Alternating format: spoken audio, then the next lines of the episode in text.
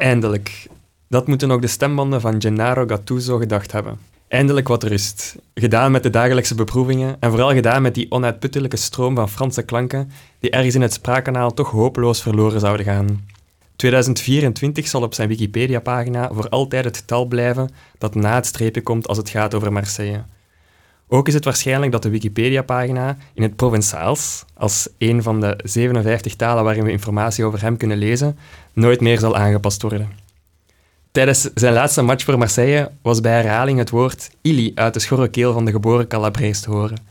Hij riep het vanaf zijn dugout, in een poging om de andere kant van het veld te bereiken. Het volume opgeschroefd, om toch op zijn minst een gevoel van onvrede te kunnen uitdrukken. Maar zelfs dat lukte niet meer. De pitbull was een puppy geworden, met oogjes die zelfs Marseille-supporters tot medelijden toe bewogen. Sommigen beweren dat hij met Ili iets duidelijk probeerde te maken aan zijn flankspeler, Iliman Ndiaye. Maar wij weten beter. Meer waarschijnlijk is de schrijfwijze met dubbel L en een Y op het einde. Jawel, die van het Italiaanse koffiemerk. Voorzitter Pablo Longoria zou maar beter met spoed een volledig uitgeruste espresso-machine laten installeren op de club, dachten we. Maar ook zijn laatste woorden werden niet begrepen. Exit Gattuso. De vervanger liet niet lang op zich wachten. Op dinsdag werd Jean-Louis Gasset officieel voorgesteld. Jean-Louis wie? Jean-Louis Gasset, de 70-jarige die enkele weken geleden nog bondscoach was van Ivoorkust. De winnaar van de Afrika Cup dus. Nee, niet helemaal. Want na de groepsfase stapte de Fransman op. Toch zou het misschien een betere match kunnen zijn, want ook al is zijn Wikipedia-pagina beperkt en maar in 15 talen te lezen, de man is op zijn minst het Frans wel machtig. U hoort het al. Veel voer tot discussie dus. We zullen er gewoon aan beginnen. C'est parti.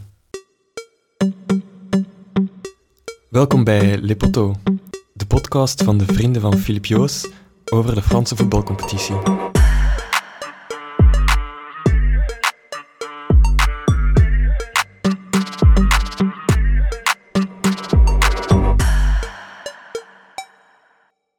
Goed, naast mij zit een uh, Marseille-supporter en zit er ook een geslagen man. Ja, dat kun je wel zeggen. Ehm, ik, was, ik was weer met veel bewondering aan het luisteren naar het tekstje, dat was weer heel mooi.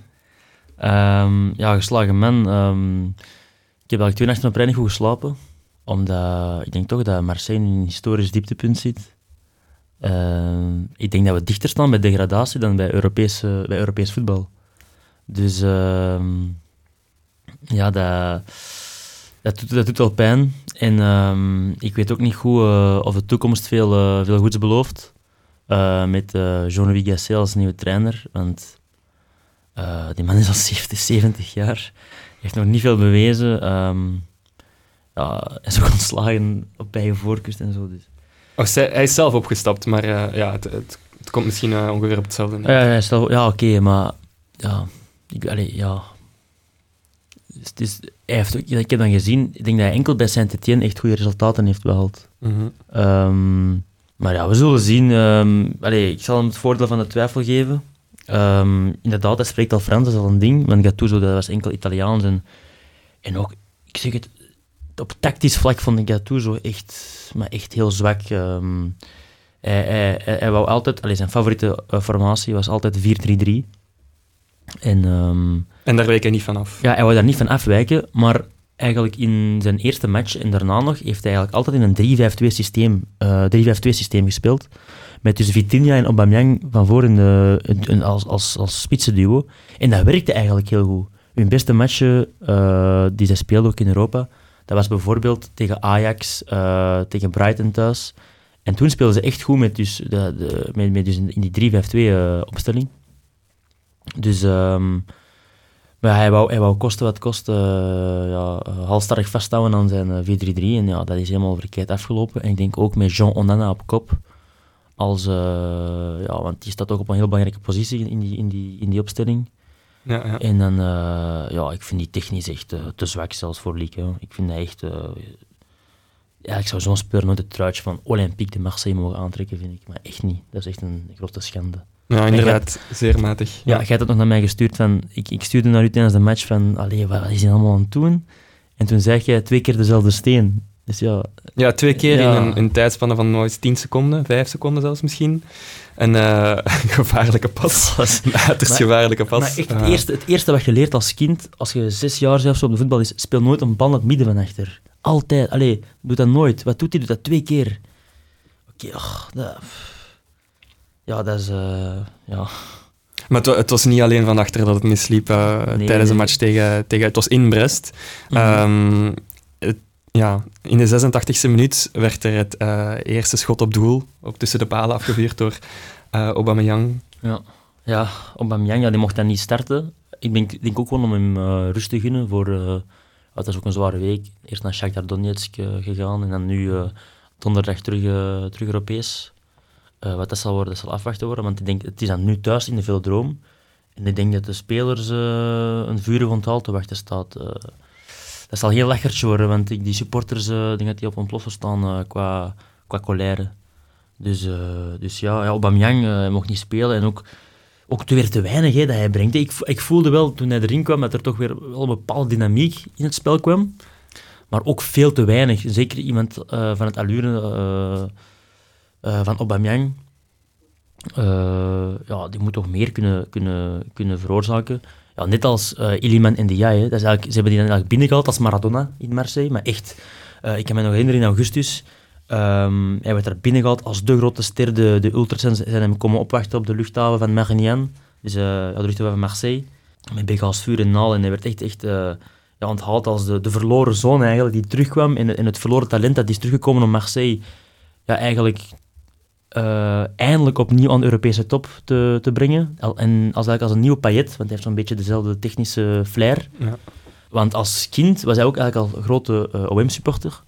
Ehm, en dan hebben ze, en ook trouwens dat, dat, dat introductievideootje, dat, die, die, welkomst, eh, die welkomstvideo voor, voor NDI.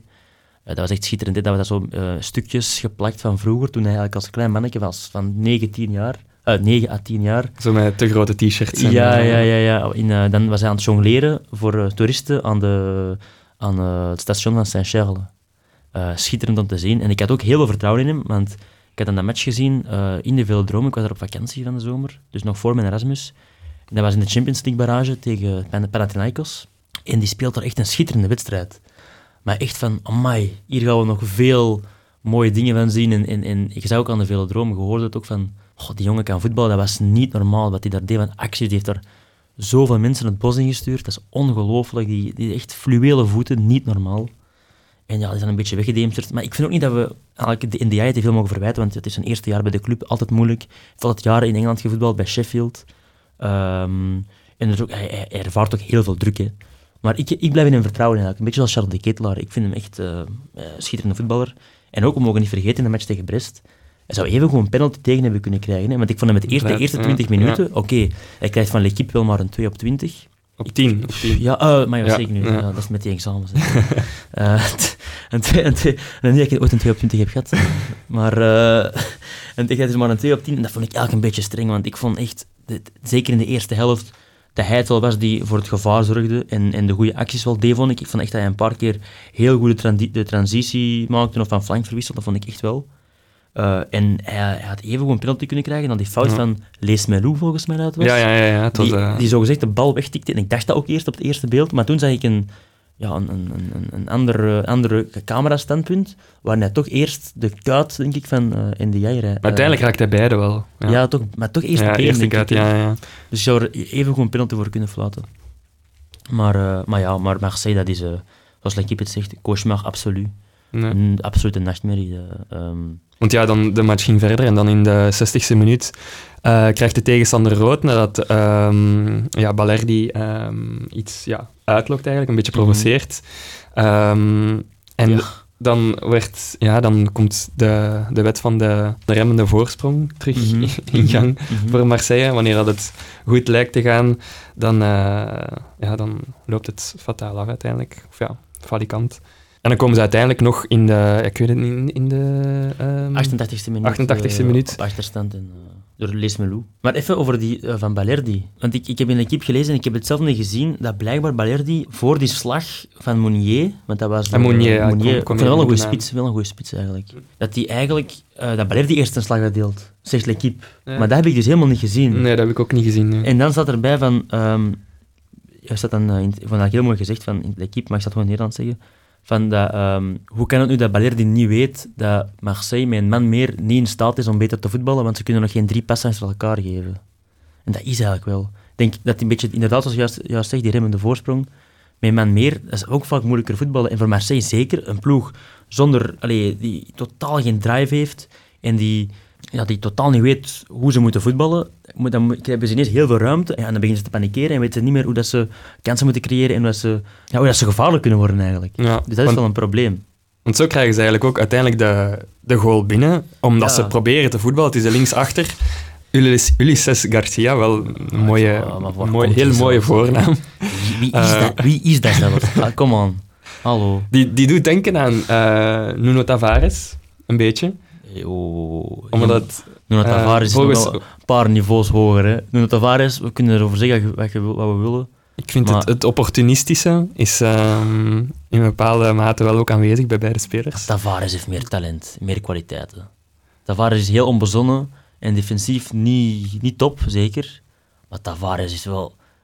heeft een veel grotere motor, een veel betere voorzet eigenlijk, een veel beter schot. Al- Alhoewel. maar... Nee, nee, nee. Ik vind niet dat we die aan elkaar mogen vergelijken. Trouwens, Tavares die ging misschien van de winter komen naar eh, Marseille. Maar ze zijn uiteindelijk eh, niet doorgegaan. Ik weet eigenlijk niet waarom. Maar er was, er was wel degelijk interesse, want hij speelt nu bij Nottingham Forest. Maar dat is uiteindelijk niet doorgegaan. Nee, maar we waren bezig over uh, Ulises Garcia. Die hele goede voetballer. Die hele goede voetballer ja, die dan Heel goede voetballer, sorry. Een 1-2 probeert aan te gaan met die andere begaafde voetballer Onana. en dan eh, spelen ze de bal kwijt. En dan Pierre Leesmelou, Wat een naam. ja, die, ehm, die dan ja, in de eerste helft... Ik, ja, eerste helft had hij al een, ehm, al een mooie trap, denk ik. Ehm, dat hij de bal zo krult en dat hij ja, juist ja, naast de ja, vliegt. En ook de fout op en die jij, hè. Ja, inderdaad. Vond ik. En die hem dan ja, knap onder de, onder de Mhm. doel binnenschuift. Ja, mooi afgewerkt. En dan is de wedstrijd gedaan. Alhoewel, ik vond dat, want eh, bij Marseille stond eh, Ruben Blanco in de goal, dus de tweede doelman, want eh Paulo Lopez was geblesseerd aan zijn knie, denk ik. En ik vond eigenlijk dat hij nog wel een degelijke partij speelde. Dus allee, toch een respectabele match gespeeld, want hij heeft in de eerste helft nog heel veel ballen eruit gehaald, vond ik. ehm. dus ja, maar allee, Marseille, dat is, het is, het is echt, het is pourri, hè. Het is echt n'importe quoi. Het, slaat echt nergens op, vind ik, eh af, afgelopen matchen. En dan nog, nog een ander event dat ook eh, symptomatisch is misschien. ehm, de, de discussie rond eh, Jonathan Kloos. Ehm, de uitspraken van eh Benassia, die al een tijdje aan de gang is. Maar, Ja, Benassia is nu in de, aan de, in de, denk, was die net voor de wintermercato aangesteld als nieuwe sportief directeur. Ik denk nog maar een grote naam, Benassia is toch een grote Marokkaanse voetballer geweest bij Juventus en Bayern München. Eh, maar hij heeft ook oorspronkelijk bij Marseille in de jeugd gespeeld. Dus daar dachten we ook, dat is een mooi huwelijk, eh, dat komt wel goed. Hij heeft eigenlijk nog niet echt veel verwezenlijkt. Ik denk ook als sportief directeur dat hij eigenlijk in het verleden nog niet veel groots heeft gepresteerd. En eh, ja, er was dus eh, naar, allee, naar buiten gekomen dat dus Jonathan Kloos zogezegd een, een slechte mentaliteit heeft bij de club. Omdat hij wordt wel bij Marseille echt wel gezien als de, misschien wel een van, toch wel zeker een van de belangrijkste spelers als Frans international, ehm, al zeer ervaren, goede voetballer. Maar blijkbaar vond Benazia zijn état d'esprit, dus zijn, eh, zijn drive niet goed genoeg. Ze, blijkbaar eh, was hij een beetje gelaten. Maar voor de match tegen Brest eh, heeft Benazia nog wat olie op het vuur gegooid door te zeggen in een interview voor Canal Plus met Samir Nasri, ja, na een vraag van Samir Nasri, die vroeg van, ehm, is het nu eigenlijk beter met Kloos? En op dat moment fronst eh, eigenlijk eh Benazia zijn wenkbrauwen een beetje en zegt hij, goh, een petit peu mieux. En dus eigenlijk, ja, totaal Nee. geen beterschap. En eigenlijk nee. En eigenlijk ook totaal dat is, niet dat is aanvoelen. voor... eh, nee. Ja, eigenlijk wel. En, en totaal niet aanvoelen voor wat dat teweeg kan brengen bij, bij Kloos zelf. Eh, ja, die voelt zijn eigen echt persona non grata. Eh, bij Marseille. En, ehm, en ik zag dat ook aan Klos op het veld. Eh, ik, ik, ik, ik, ik zag aan hem, hij had precies niet, niet, niet de wil om te winnen. Hij was zichzelf niet. Ik vond al bij de opwarming, ik heb dan beelden gezien. eh, hij ziet er echt heel ongelukkig uit, vind ik, bijna depressief. Want het was ook, eh, de uitspraken werden gedaan twee uur of zo voor de match. Ehm, dus ja, hij zal dat geweten hebben al, natuurlijk. Ja, ja. Want er waren voordien ook al, had ik gelezen nog, eh, dan, ja, er waren ehm, momenten geweest waar dat hij zogezegd een blessure had geveinsd. Ehm, om zich dan, en dan ook een keer een, eh, een, een eh, vervanging had aangevraagd, terwijl het eigenlijk niet nodig, had, eh, Ja. niet nodig was geweest. Ehm, dat zijn zo wat de, ja, de Mhm, ja, gedragingen waar dat ze het over hebben. Ja, ja ik, vind dat, ik vind dat zoiets moet altijd binnen kamers opgelost worden. Hè. Allee, dan moet je niet meer naar buiten komen. En dan vind ik het heel raar dat iemand als Benetia, waar ik toch wel een beetje meer van verwacht, dat het dan zo publiekelijk brengt. Eh, ik vind dat... Allee, het is ook een beetje typisch van Marseille. Dat is ook weer die, die hele... Die hele hele cinema, dat, dat, toch weer allemaal weer naar buiten komt. En dat maakt de club ook wel heel interessant natuurlijk, maar nu, zeker in de crisis waar Marseille vertoeft, eh, kunnen zo'n dingen toch beter, al op, eh, beter binnen kamers opgelost worden. En ja, dat vind, ik, dat vind ik echt heel spijtig. Dat vind ik eigenlijk het echte diep, dieptepunt. Dat zo'n dingen, ja, dat dat gewoon niet opgelost kan worden op, een, op een volwassen manier. Want eigenlijk is het nu, eh heeft ik heb nu niet het gevoel, allee, ik vraag me echt af hoe dat nu is op de club, als die elkaar tegenkomen, dat kan, dat, die kan toch niet. Niet gezellig. Allee, dat is toch allemaal...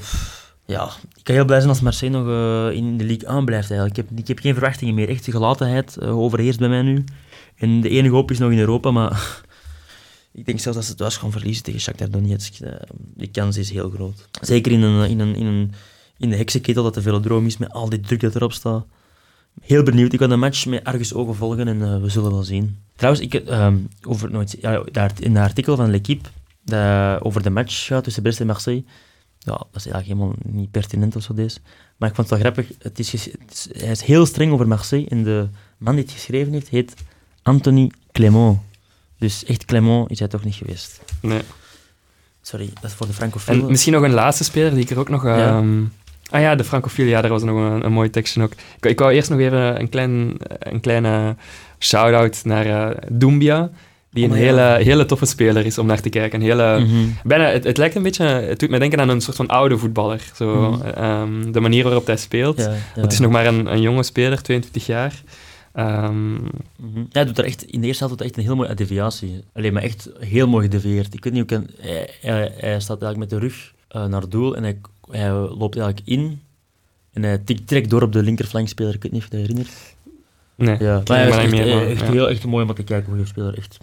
Ja, zeker. Dat niet voor niks, Brest staat niet voor niks tweede. Hè. Hm. Eh, het is geen, zijn, zijn zeker geen sukkelaars. Hè.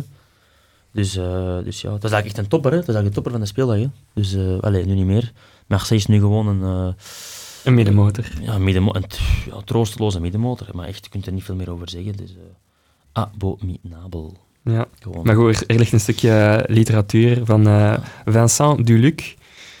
Ja, Vincent de Voorhand. Luc, ja, is een, alleen, eh, een journalist van L'Equipe. En die schrijft altijd een soort van column, elke maandag, over het voorbije voetbalweekend. En er was een stuk tekst dat ik heel mooi vond en dat eigenlijk perfect de problematiek van Marseille samenvat, maar ook de passie en het vuur dat daarbij komt kijken. Anders zal ik het even voorlezen in het Frans en dan kan ik het daarna even bespreken in het Nederlands. Dus het gaat over eh, Marseille dus, eh en heel hun trainerscarousel eh, de problemen die daarbij komen kijken. Voilà une ville qui continue de penser qu'il faut marier le feu avec le feu, qu'il n'y a pas de salut hors les entraîneurs volcaniques. Une ville qui aimait Jorge Sampaoli, qui aurait dû aimer un peu plus Igor Tudor et qui passe beaucoup de choses à Gennaro Gattuso, mais peut-être pas la défaite d'hier. Vu les deux interviews assez sidérantes de Mehdi Benatia sur Jonathan Klaus et complètement prémédité, une lame sur Canal+, l'autre lame sur Prime Video, un blog de mépris, on dirait que le club aurait aimé que le seul coupable soit le seul, joueur de l'OM appelé par Didier Deschamps chez les Bleus en novembre. Laatste moest ik eigenlijk voorlezen, maar ik, was even, ik heb te veel voorgelezen. Maar het, het eerste, het eerste stuk, eh, eh, dus dat stuk dat gaat over, ja, eigenlijk over eh, het feit dat de club Marseille, maar eigenlijk gebruikt de schrijver hier, verwijst echt aan de stad, want de club en de stad, ja, die zijn zo met elkaar verbonden, dat hij echt gewoon een ville zegt, dus echt, eigenlijk echt een beetje kritiek op Marseille geven eigenlijk dat hij doet. Dus hij zegt van, Het is een stad en dat, die alleen maar denkt aan we hebben vurige trainers nodig, passionele trainers nodig, die ons aan de top kunnen brengen. Maar eigenlijk is dat helemaal niet zo. Want, allee, dus, um, kijk naar George Sampaoli, oké, dat was wel goed. En die zegt ook, ja, misschien heeft Marseille wel meer moeten houden van Igor Tudor, want die liefde die was er eigenlijk nooit echt heel hard. En daarom dat Tudor ook wel vertrokken is. En daarom dat ze ook nu ook Gennaro Gattuso hebben aangesteld, omdat dat ook wel iemand is die die passie en die dat vuur enorm uitstraalt. En vuur met vuur bestrijden. Uh, ja, eigenlijk wel. Ja. Dus misschien hebben ze nu al nood, zegt hij eigenlijk, aan een meer uh, rustigere, uh, nuchtere trainer. Misschien meer lucide is. En, minder, en minder roept langs de zijlijn. En minder eigenlijk toneel speelt langs de zijlijn. Dus eigenlijk er... Want ik vond eigenlijk echt altijd de afgelopen, bij de afgelopen trainers van Marseille dat er eigenlijk vooral aandacht was op de man die in de dugout zit. En de man die langs de zijlijn staat, net zoals bij Roma en José Mourinho. Ja. En dat de, de gladiatoren, de, dus de mensen om wie het echt te doen is, om wie het echt gaat, dus die spelers, die elf spelers op het veld, dat die aandacht ja, eigenlijk veel minder was. En misschien moet dat nu eens eindelijk omdraaien. Dat er de trainer echt een ploeg opstelt en dat we de, eindelijk echt eens beginnen kijken naar de spelers die op dat veld staan. En misschien hebben ze dan met ehm, eh, Jean-Louis Gasset, de, de opa-figuur, ja, ja En ook trouwens, ja, 70 in, in het Frans zeggen ze 70, dat klinkt nog iets jonger misschien, mm. op een bepaalde manier, ja. omdat die 60 daar is. Maar, uh, of 70. Ja, sorry. In het Waals, ja. Of die ene uitbater van de kebabzaak, die zou ja, ook 70 zeggen nu. Ja. ja. Altijd? Ik weet dat niet, maar die zal toch aan terugdenken. Die gaat dan niet denken als hij 70 zegt. Ja. Is er nog iets te zeggen? Um, ja, over... Um, ja, we kunnen denk ik Marseille laten voor wat het is. Die match is gespeeld. ja, voilà. Het doet pijn om erover te eh, praten eigenlijk, sorry. Op naar donderdag en dan met ledenogen bekijken hoe dat de match zich verder gaat afspelen. Ja, misschien eerst een, een klein, ja, een tof, toffe fun fact over, um, over PSG. Die niet deze week, maar vorige week, uh, niet, niet afgelopen week, maar de week daarvoor speelde met truitjes Ehm, en dat was niet de eerste keer trouwens, waarop uh, de, de namen in het Koreaans waren geschreven. En ik vond dat al vreemd toen. dat was dus blijkbaar omdat er, er is een, een Zuid-Koreaan in een ploeg, Kang In Lee. En die heeft een serieuze fanbasis in Zuid-Korea. En blijkbaar zorgt hij ook voor het hoogste aantal uh, verkochte truitjes. Allee, de, het, het, truitje met zijn naam op is het meest verkochte truitje, boven dat van Mbappé zelfs. Mm -hmm. en daarom denk ik dat de, de, de mensen die, daar, um, die daarover beslissen, bij PSG dachten, we zullen ze allemaal in het Zuid-Koreaan, in het Koreaans denk ik dat het dan is. Wel mooi eigenlijk. Um, drukken, ja. Um, het zag er wel bevreemdend uit, op een bepaalde manier. Het zag er nog meer uit alsof dat inderdaad PSG niet alleen door een astronomische aantal punten ja. uh, de, de uh, Ligue 1 ontsteeg, maar ook door um, ja, dat het op een ander niveau voetbalde dan uh, een, ja, een, een, globaal niveau mm -hmm. voetbalde. Uh, tegen een ploeg, um, tegen, mm. tegen Lille was het toen. Ja. Want dit weekend hebben ze tegen Nantes gespeeld, hè? Ja, inderdaad. Ook en, gewoon. Uh, Mbappé weer. Hè. Prachtig, hè? Niet normaal. Die gast is niet normaal. Ja, die op de bank begonnen omdat er dan die geruchten waren over dat hij eigenlijk bij PSG weg wou en naar Real wou. En hij valt in, gelijk direct penalty uitlokken op een schitterende manier. Porto, een speler, oh, direct penalty. Oh, trapt hij ook weer altijd binnen. Bij Mbappé die, die, ik vind echt dat hij zijn penalties altijd heel goed binnentrapt. Dat is echt zonder, zonder nadenken, zonder, zonder, veel, zonder veel show. De show komt dan wel na, na de goal bij de viering, altijd. Maar op het moment zelf is het altijd hard, staalhard in het zijnetje. Of, of het zal, toch niet ver, het zal, er, het zal er toch niet ver vanaf zijn. Dus ik vind dat echt, uh, Mbappé, uh, ja, dat, er zijn geen woorden voor nodig. Allee, iedereen weet uh, wie dat is. En, en dat is buitenaards. Dat is bui, natuurlijk, dat is buitenaards. En, dus ja. en ook, over, over, over die, die, uh, die Zuid-Koreaanse namen, allee, Zuid-Koreaanse letters op, op de shirts. Inderdaad, het is echt zo dat PSG is de enige ploeg die echt de Ligue 1 verstijgt. Uh, in de equipe zeggen ze het ook, dus de Vincent Deluc zegt het ook, van, dat echt de Ligue 1, de Franse competitie, echt al een dieptepunt zit. Want de normale, de normale traditionele toppers in de Ligue 1, ploegen die normaal het vuur aan de schenen kunnen leggen van, als een, van een PSG, zoals Marseille, Lyon, Monaco, Nice, ja, Nice door, door, door de laatste jaren, ja, die, die, uh, ja, die tekenen allemaal niet present. begrijp je? Dus dat is wel een probleem eh, voor het Frans voetbal, denk ik, tegenwoordig. En zeker ook als je gaat kijken Europees, vorige week, ik denk dat er geen enkele ploeg is die heeft kunnen winnen in Europa. Uh, ik zou eens terug moeten nadenken. Maar, uh, Ren 3-0 verloren van, van Milaan. dat is natuurlijk geen schande. Toulouse heeft verloren van Benfica. Natuurlijk ook geen schande. Maar ja, er is geen enkele ploeg die, die, die in Europa echt... een, paar, een paar jaar geleden was dat nog anders. Hè. Marseille heeft finale Europa League gespeeld. PSG en Lyon zaten beide in de halve finale van de Champions League. Dus er is toch wel een tegel, allee, toch wel een bepaald dieptepunt uh, bereikt voor het Franse voetbal. Dus, uh, maar daar zijn wij voor, hè, om, die, om de, het enthousiasme terug aan te wakkeren hè, voor de league, hè, natuurlijk. Ja, want, want er zijn trouwens ook nog uh, een aantal Belgische connecties, met, of, of Belgische, ja, Belgische connecties sowieso, uh, tout in, in de Ligue 1, maar ook die dit weekend zijn opgevallen. Sowieso, um, sowieso. Zo is er, was er de wedstrijd tussen Lyon en, en, nice. En Nice. was het, ja. Topper eigenlijk, vrijdagavond. was een goede match. Lacazette was heel goed, die heeft een heel belangrijke rol gespeeld. En ja, gekleurd door de goal van onze landgenoot, Orel Mongala. Van de, van de winter overgekomen van Nottingham Forest. wel een mooie goal, Allee, het was een 45-pas. En hij trapt hem wel gewoon goed binnen. het was niet heel moeilijk, maar hij scoort toch. Toch belangrijk, toch goed voor het gevoel, goed voor het TK. Dus ja. En, uh, bij Lyon lopen er wel meer uh, bekende koppen rond. Bijvoorbeeld Gift Orban van, van, van, van Gent, dat one-season wonder, of ja, semi-season wonder eigenlijk. Want uh, ik denk dat hij maar een half, seizoen, een half seizoen echt goed was bij Gent vorig seizoen. En hij is eigenlijk dit, dit eerste, de eerste seizoen zelf eigenlijk een beetje weggedeemsterd bij Gent. Dus ik vond dat nog heel raar dat, dat Lyon nog, denk ik, wat was 13 miljoen wou, Toch een, ja, wou, wou liggen voor... Een aanzienlijk bedrag, ja. Voor, uh, voor Orban. En, uh, maar wat mij, wat mij eigenlijk opvalt is... Uh, ik weet niet, ik vond in de Belgische competitie niet echt opvallen, maar ik heb van een match gezien tegen Marseille een paar weken geleden. Het was in Lyon.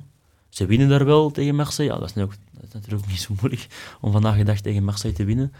Maar ik vond hem technisch gezien echt, maar echt onder niveau presteren. Echt ondermaats presteren. En ik had echt het, even het gevoel van, oei, kan die wel mee op deze niveau op technisch vlak. Dus dat is nog een beetje afwachten. Oké, okay, misschien een beetje acclimatiseren, aanpassen aan de competitie, die dat aan het ritme. Want er is ook natuurlijk een hoger ritme in de Liga dan in, in, in België. Dat is vanzelfsprekend. Maar... Want je zou denken, ehm, misschien is er eerst vertrouwen nodig. Of, uh, maar dat is nu net een speler waarbij dat dan niet zou, zou, zo zou zijn. Hè. Zou, um, die, die, die stroomt al over van het vertrouwen. Dus een vertrouwenskwestie lijkt het mij. Nee, nee, nee. Ik heb, gehoord, ik heb gehoord, als ik Alexandre Lacazette moet geloven, dat hij blijkbaar een heel grappige, heel grappige gast is in de kleedkamer. Dat hij blijkbaar, ik vraag me wel af welke taal hij zou spreken, want hij is van Nigeria. Dan ja. spreken ze eerder Engels, denk ik. Eerder Engels, maar ja, we weten niet goed waar dat hij... Ja, hij heeft mhm. eerst in, het, uh, in Scandinavië dan, ja, uh, en dan zo naar Gent gekomen, dus welke mhm. taal dat hij... Waarschijnlijk is hij het Engels wel machtig. Ja, sowieso. Lacazette heeft ook in Engeland gezeten. Mm -hmm. uh, misschien ook... Uh, misschien Engels mopjes. ja. Droge Engelse humor van Gift Orban. Ik wil eigenlijk zeggen dat Lacazette heeft gezegd dat we, uh, Orban een, een dubbelzinnige manier praat eigenlijk. Dat hij heel veel dingen zegt die je dubbelzinnig kunt opvatten. En dat Lacazette zei dat niet iedereen dat begrijpt. Dat je een bepaald niveau voor humor moet hebben, of misschien intelligentie zelfs, ik weet niet, om het te kunnen begrijpen. En dat vond ik wel grappig, want ik zou dat hem wel niet, wel niet nageven eigenlijk, als ik hem zie. Hij lijkt me altijd zo'n beetje de, de clown die zo... Ja, ik weet niet. Misschien, heeft misschien, te, misschien te maken met dat, met dat clown zijn. Ja, die, die zo zeep zou uitgieten over iemand anders ja, zo is, dus. dat, dat, is dan weer... Nee, want Lacazette is echt wel degelijk van... Ja, echt talige humor. Niet zo van die... Natuurlijk zo zeet... Zeet, zeet zeep op iemand... Uh, uitspuiten, of zeg je dat? Ja. dat, nee, dat, zou, dat zou ik hem eerder nageven, maar blijkbaar is hij ook uh, op talig vlak uh, zeer grappig. Dat is wel leuk. Ik wil hem wel eens, wel eens willen ontmoeten. En ja. nog iets anders. Hij had blijkbaar, waarschijnlijk, ja, jij kent die sowieso, maar Aya Nakamura, de Franse zangeres slash rapster, alhoewel rappen doet ze niet echt, vind ik. Ja, het, het, ik denk dat het, is, het staat toch gecatalogeerd onder hip-hop. Ja, ah, ja, de, de muziek ja, dat ze maakt. Ja, hip-hop, ja, oké. Okay. en hij had blijkbaar toen hij nog maar pas was aangekomen in Lyon, had hij al berichten liggen sturen naar uh, Ayana Kamura. Uh, zo bijvoorbeeld van... hij was geslide in de DM's. ja, ja, inderdaad. Ja, Zoiets inderdaad. Ik denk dat er niet veel uh, niet meer over moet gezegd worden. Dan denk ik dat iedereen het wel begrijpt. Dus was wel grappig. Waar dan? Nee, nee. En natuurlijk Malik Fofana, ook bij Lyon. Hè. Ja. En uh, tegen, tegen Marseille een paar weken geleden, die trouwens ook een heel mooie actie. Dat hij op zijn eigen helft begint te dribbelen langs de zijlijn.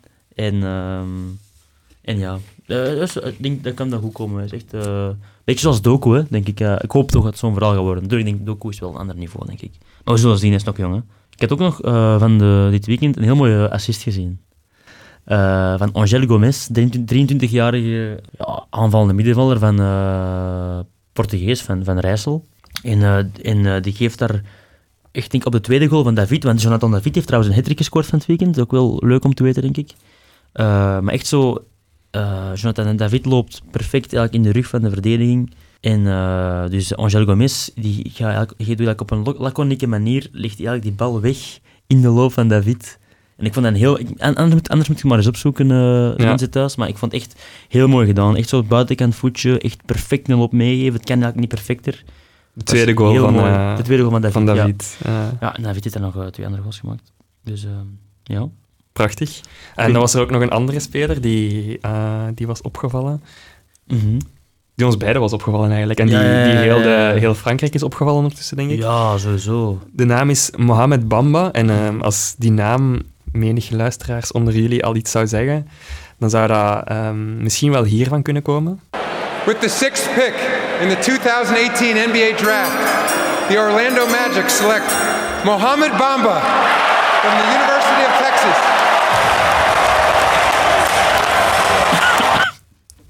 Sorry. Terwijl Rick zich in een flesje cola. Maar sorry, echt. Maar dus de, de jonge man is, eh, is eh, ook een Ivoriaan. Ehm, de, de basketbalspeler, deze basketbalspeler die we net eh, gehoord hebben bij zijn voorstelling. En heeft de bijnaam Mo Bamba, ehm, van Mohamed Bamba. En op basis daarvan is ehm, ook het liedje Mo Bamba van Shaq West gemaakt, dat zo ongeveer gaat. 16 year old. Bitch! They it time. I got hoes calling a young nigga fall. Om eh, een beeld ervan te hebben. Ehm, maar nu is er ook in de, in de League 1 deze winter gearriveerd, of aangekomen beter, in Mhm. eh, mooi Nederlands. Ja. Mohamed Bamba, die een, eh, een jongen uit Ivoorkust, eh 22 jaar, die over is gekomen van het Oostenrijkse Wolfsberger AC. Ja. En dus nu bij Lorient speelt. Hij heeft vier matchen gespeeld ondertussen. Ja, En vijf heeft al- goals. Vijf goals gescoord, ja. Ja. Waaronder twee deze speeldag. Het zijn Ja, ja, het niet, de, niet ja, de niet de beste goals, goals. maar het zijn wel Hij hele... staat er, hè. Hij staat er, ja. En voor een jonge gast en een spits is dat, is dat eigenlijk niet meer nodig. En als je al direct bij een, bij een ploeg komt en je kunt al direct zo productief zijn, dat is toch wel... ehm, ja, dat, dat, dat belooft heel veel moois voor de toekomst, denk ik. En hij was ook, want hij heeft voor Wolfsburger, heeft hij volgens mij in Israël gevoetbald. Ik weet niet welke ploeg, maar hij was wel... eh, vorig seizoen is, was hij wel topschutter in Israël. Dus dat is toch ook al een belangrijke factor. En dan is hij dus voor, heeft hij dus een, jaar, een half jaar gespeeld bij Wolfsberger in Oostenrijk. Ja, Oostenrijk is een middenmotor. Eh, en dus nu bij Lorient. En eh, als je gaat kijken naar de his- historie van spitsen van Lorient, denk ik wel dat er iets, dat er iets goed aan zit te komen. Want bijvoorbeeld Teremoffi, die Ja. nu echt eh, mooi weer maakt bij, bij, bij Nice, heeft ook, is ook eigenlijk echt helemaal geëvolueerd en echt een, helemaal uitgegroeid tot een complete spits bij, bij Lorient. Dus, eh, dus ja, Lorient Want het staat was ook geen, eh, het was, het geen goedkope aankoop ook eigenlijk. Hè, voor een, 5 eh, miljoen. 5 ja. miljoen. Maar Lorient is... Misschien- Je zou denken, Lorient een kleine club, maar die wil geld. Hè. ja, En zeker na de... Ja, die hebben Teremoffi voor 30 miljoen kunnen verkopen ook. Hè. Dus dat is eh, zeker geen arme ploeg. Die hebben nu ook dingen, eh, dingen speelt er nu ook. Hè. Eh, Benjamin Mondi, ik weet niet of die, dat je iets zegt. Benjamin Mondi is die linksachter eh van Marseille oorspronkelijk. ja. Eh, ik denk dat hij uit de- uit de jeugd van Marseille komt, maar ik ben daar niet zeker. En die was er heel goed. Dat was zo'n een tijdperk van met, met Batshuayi, zo jaren 2014, 15, 16. Zo eh, onder Bielsa eigenlijk. eh, het Marseille van Bielsa. Een heel goed Marseille toen. En die eh, Bielsa heeft die eigenlijk ehm, ja, eh, een beetje ja, goed gemaakt, om het zo te zeggen. Dan is hij naar Monaco gegaan. eh, en dan is hij naar Manchester City gegaan. Maar dan eh, heeft, eh, is hij geschorst geweest voor verkrachting ehm, in, in Engeland. Maar daar is hij eigenlijk van vrijgesproken. En Ja. dus heeft nu Lorient hem ehm, een tweede kans gegeven. Dus daar, daar speelt Benjamin Mondini. Dat was een heel groot talent, hè? want bij, bij, bij, bij Manchester City, ja, dat was echt, eh, die stond altijd in, de, altijd in de basis. Hè? En dan is toen dat nieuws uitgekomen van die, eh, die verkrachtingszaak. bij heel veel vrouwen tegen hem klachten ingediend, maar hij is eigenlijk van alles vrijgesproken. Ja. Dus eh, ik denk wel heel moeilijk. ehm, ja, ja. ja, dus toch nog knap van Lorient om hem een tweede kans te, te geven, maar... eh, Ja, oké. En hebben we nog voetbalzaken te bespreken? Of, Eh, ben ik nog voetbalzaken te spreken? Ja, ik heb, ik heb, ik heb nog iets gezien van eh, een opwarming van, van scheidsrechters Oké, in dus de tussen league. Eh, voetbal en... eh, ja, een beetje tussen voetbal en het ludieke en het ja, want overige. we gaan straks over naar het ludieke, dat bereidt je wel voor. Ja, ehm, nee, ik had gezien dat, dat- Ik weet niet welke match het was, maar die scheidsrechters, ja, die moeten natuurlijk ook opwarmen. Want die lopen natuurlijk ook heel veel op een veld. Ehm, en die, was echt gewoon lachwekkend. Ehm, dus die... Ik weet niet of je dat kent, op als je ooit hebt gevoetbald, op voetbaltraining, als je zo handbal speelt. Dus je speelt handbal om zo'n beetje eh, in, in balbezit eh, de, de, de, de, de, de, de opties te... te allee, de, ehm, de, de ruimtes te vinden en dit, dit en dat. En zij deden dat met een fluitje. Dus de, de arbiters en de grensrechters, eh, die waren aan elkaar dat fluitje aan het gooien en dan moesten ze zo achter elkaar lopen, maar dat was heel raar om te zien.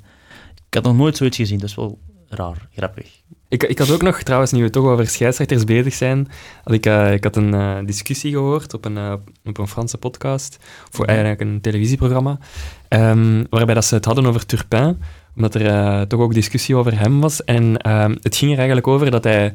eh, want ja, Ik, hij, is, eh, hij wordt gezien als bij de, de drie beste, beste scheidsrechters van de wereld. Van, van Europa alleszins toch. Ah, oké, nee. Ehm, dus ah ja, er zijn daar bepaalde standen in en zo. Ehm, en hij, hij zou een bepaalde arrogantie over zich hebben, die hij dan meebrengt ook naar de Franse Ligue 1. Ehm, en daardoor, Mhm. zowel vanuit het varbusje als op het veld zelf, zegt hij eigenlijk, of maakt hij een boodschap duidelijk aan, aan de mensen waarmee dat hij moet werken. Dus bijvoorbeeld, als hij op het veld staat, zegt hij tegen de, de ploeg die in het varbusje zit, dat ze liefst zo weinig mogelijk moeten ingrijpen. Ehm, en dat hij het zelf wel op het veld regelt.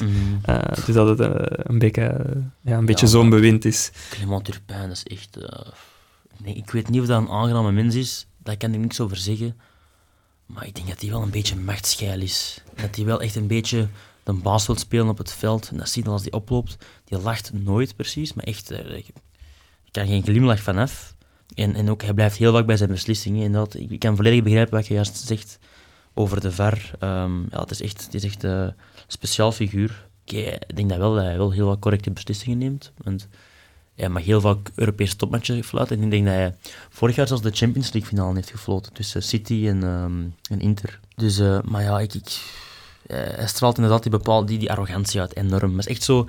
Ja, ik vind hem zo'n beetje het stereotype van zo de arrogante Fransman die we allemaal wel in ons hoofd hebben. Begrijp je? Zo die... Ja. Ja, Clément Turpin heet hij, maar zoals je Clément. zegt, Clément is hij niet echt. Sorry. Goed, en bij We hebben een titel, we hebben een titel. Ja. bij deze kunnen we meteen doorstromen, eh, doorstomen naar eh, ja, het, het luchtige stukje van de podcast. Of ja, nee, de rest is ook wel best luchtig Ja, eigenlijk. alles is luchtig. Het is altijd leuk bij ons, hè? altijd plezant. Een, eh, een nieuwe rubriek over muziek. Omdat er toch wel vaak ja, een, een, een, een nauw verband is in Frankrijk tussen, tussen de muziek en, en, en het voetbal. Zeker in Marseille. Zeker in Marseille. En daarom de eerste keer ook, ehm, misschien om een, een algemeen beeld te schetsen, dat we deze week, want normaal is het de bedoeling om elke week eh één, nummer te bespreken, of eh, kort te luisteren naar een nummer en dat dan te, eh, te bespreken. Deze week focussen dan op, ehm, op de, de, de band tussen Marseille en muziek in zijn algemeenheid. En dan, al- als het gaat over muziek, eh, in deze gaat het dan over eh, hip-hop en eh, rap. En ehm, daarvoor hebben we drie nummers uitgekozen. Dus het eerste, ehm, ja, het gaat eigenlijk in een chronologische volgorde. Het start in de, in de jaren 90, waar er eigenlijk een beetje de, de, eerste, de, ja, de eerste strijd een beetje plaatsvindt, of ja, eh, vorm neemt. Ehm, tussen, tussen het noorden, Parijs dan, en het zuiden, waar dan ehm, het collectief IM ontstaat. Ja, ja, ja. Ten, op, ten opzichte van Parijs, eh, het noorden, waar dat NTM ehm, de plak zwaait. En eh, daaruit vloeit een, een liedje voor dat altijd voor de match in het stadion van Marseille wordt gespeeld. yes, yes. Met enkele leden van het, het collectief IM, Akhenaton ehm, en eh Shuriken zijn er bijvoorbeeld bij. Eh, en daarin, eh, daaruit laat ik nu een kort een stukje horen. Tu reconnais bien le style des bad boys.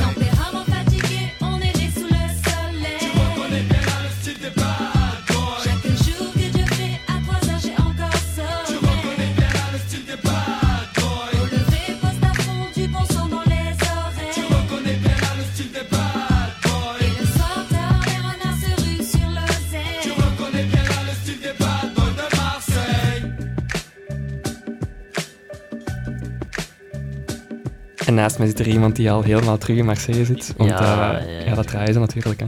Tuurlijk, dat is nostalgie deze. Allee, nostalgie klinkt raar voor iemand van 20 jaar oud. Maar ja, dat, eh, als ik dat elke keer als ik dat liedje hoor, moet ik direct aan Marseille denken. En dan, en dan komen die herinneringen terug van in dat stadion. Want dat is het liedje dat ze altijd spelen, eh, een paar minuten voor de match, wanneer ze ehm, de spelers afroepen in de opstelling.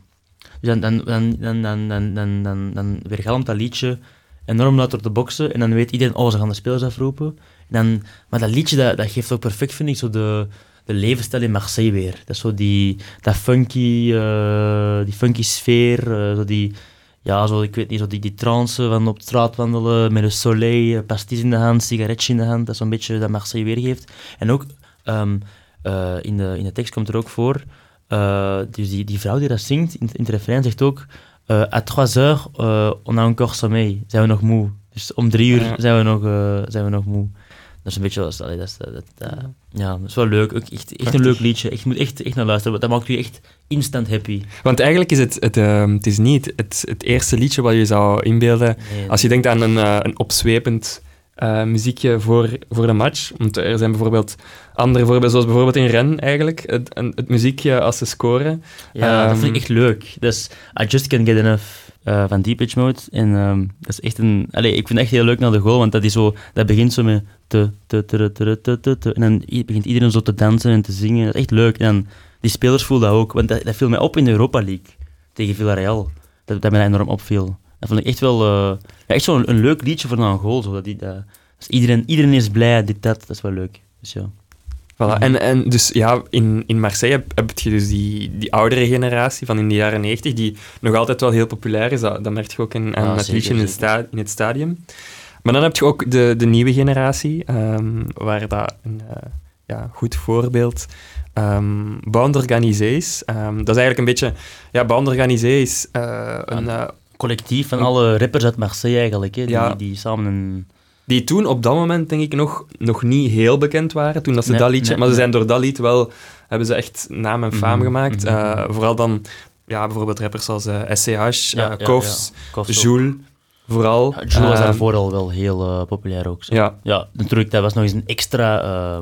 en ik denk ook dat, dat Jules de, eh le son heeft gemaakt, dus de, de, de beat. Ah ik, ja, denk dat, ik denk dat van Jules komt. Dus hij is wel een beetje de, de, de sleutelfiguur in het lied eigenlijk. even luisteren. Maar het begint met SH, wat een stem.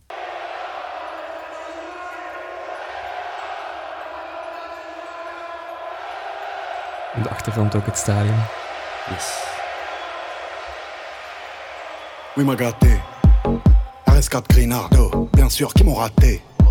Soleil dans la bulle, sur le Prado, shifter pro. Contresens, ma chérie, tu as contresens. Putain, où tu étais quand je mettais des 5 euros d'essence? Tu veux nous faire la guerre? Par Dieu, c'est B. Ça prend ton OG, ça prend ta gadget, ça prend ta CB. En zo gaat het nog wel zo'n eh, zes minuten door. Het is een redelijk lang lied ook. Ehm, maar ook tijdens het, tijdens het, eh, het filmpje is eh, Marseille heel, heel aanwezig en is de Velodrome ook heel aanwezig. Want eigenlijk stappen ze uit de kleedkamers van, eh, van de Velodrome en gaan ze zo het veld op. En daar zijn heel veel, heel veel beelden Mhm, rond. mhm. En intussen zijn... ehm, ja, die, die, die rivaliteit leeft dan ook verder nog in, in Frankrijk, met bijvoorbeeld series als La Nouvelle École, ehm, waar dan nu ook trouwens een Italiaanse versie van is, eh, op Netflix te, te bezichtigen. Ehm, daar is dan vooral de rivaliteit met Pa- Parijs, ehm, Brussel dat er dan ook een beetje bij komt kijken, maar vooral denk ik de rivaliteit met Parijs, die nog steeds ja. heel erg aanwezig is. op alle vlakken, Eh. in, eh, op alle vlakken dat je maar kunt inbeelden, en cultureel, politiek. Het is altijd Par- Marseille tegen Parijs. En Marseille voelt zich altijd zo de, ja, een beetje het kleine broertje dat een beetje zo door Parijs wordt zo op de vingers getikt altijd. En, en waardoor echt zo dat, dat gevoel ontstaat van, van, van argwaan hè, tegenover la capitale. Dus C'est pas la capitale, c'est Marseille bébé. Om eh, de woorden te hernemen van Kofs in uh, Bande Organisée. En dan hebben we nog een laatste, een laatste fragment van eh, het eh, nummer genaamd Droit au but van eh, Jules, die ook eh, ja, wereldberoemd is in Marseille en in Ja. Frankrijk eh, Ja. en ook een klein beetje daarbuiten. als je Marseille beroemd is, is de wereld beroemd. Hè. Marseille, c'est le monde. Et le monde, c'est Marseille. En Jules die heeft trouwens een, eh, een, een, een, een, con- een een sponsorcontract met Olympique Marseille. Dus op de denk, linkerschouder staat... Of nee, op de, nee, sorry, op de rechterschouder van het truitje staat volgens mij eh D'or et de Platine. Dat is eigenlijk het platenlabel van Jules. Eh, dus dat is echt die rechtstreekse band tussen de Franse hip-hop scene en, en de club en voetbal. Dus dat is heel mooi. En ik denk niet dat je dat in, bij veel andere clubs terugvindt. Denk ik, ja, bij geen enkele andere club. Eh, dus, Ik kan er nu ook geen, eh, Nee. geen opnoemen. En dus in dat, in dat, in dat, in dat lied, uh, Droit but, de naam zit al, dus but, la devise eh, du club. Donc, dus de, de, de slogan, eh, het devies van de, van de Club L'OM eh, als titel. eh, en met heel veel verwijzingen naar spelers eh, en naar het voetbal. Een klein stukje.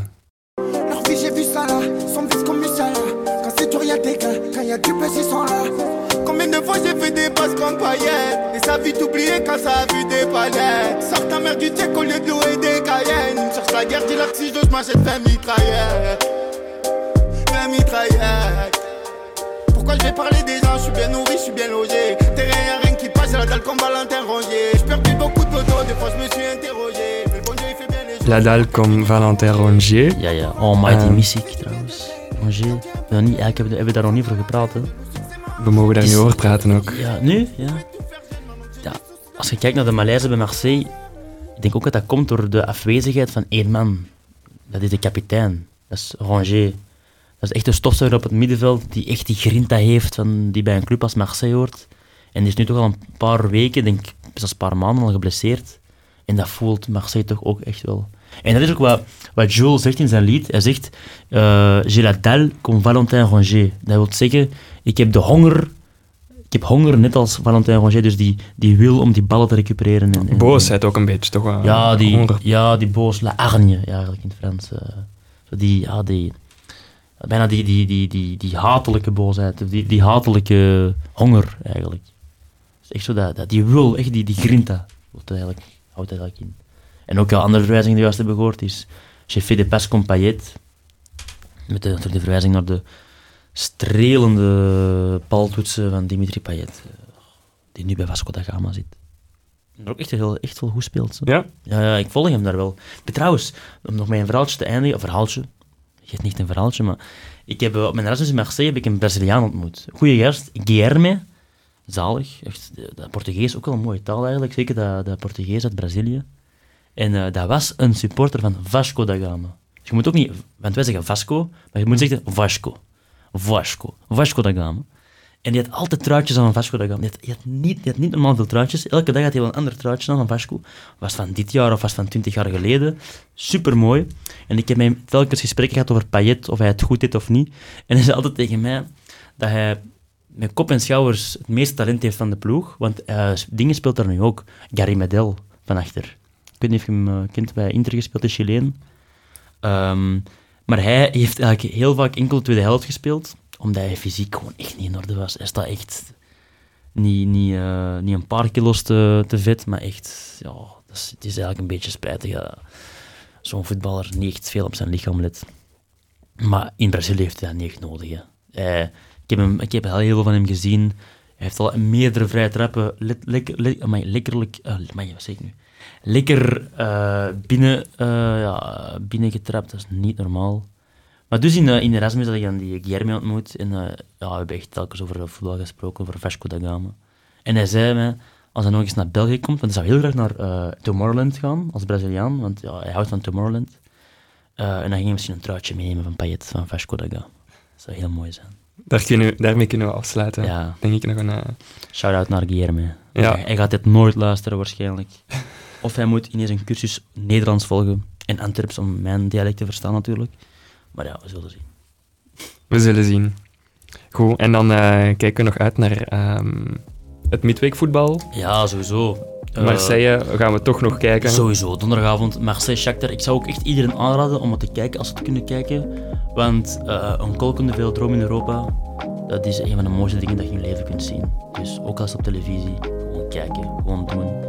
Ook al is het voetbal wat minder, maar de, de, de, de randactiviteiten en de sfeer er rond, dat is enorm mooi. Goed, Bloedmooi, tranen in de ogen, ik heb het misschien. tot dan en eh, tot daarna ook. À la prochaine. À la prochaine, ciao!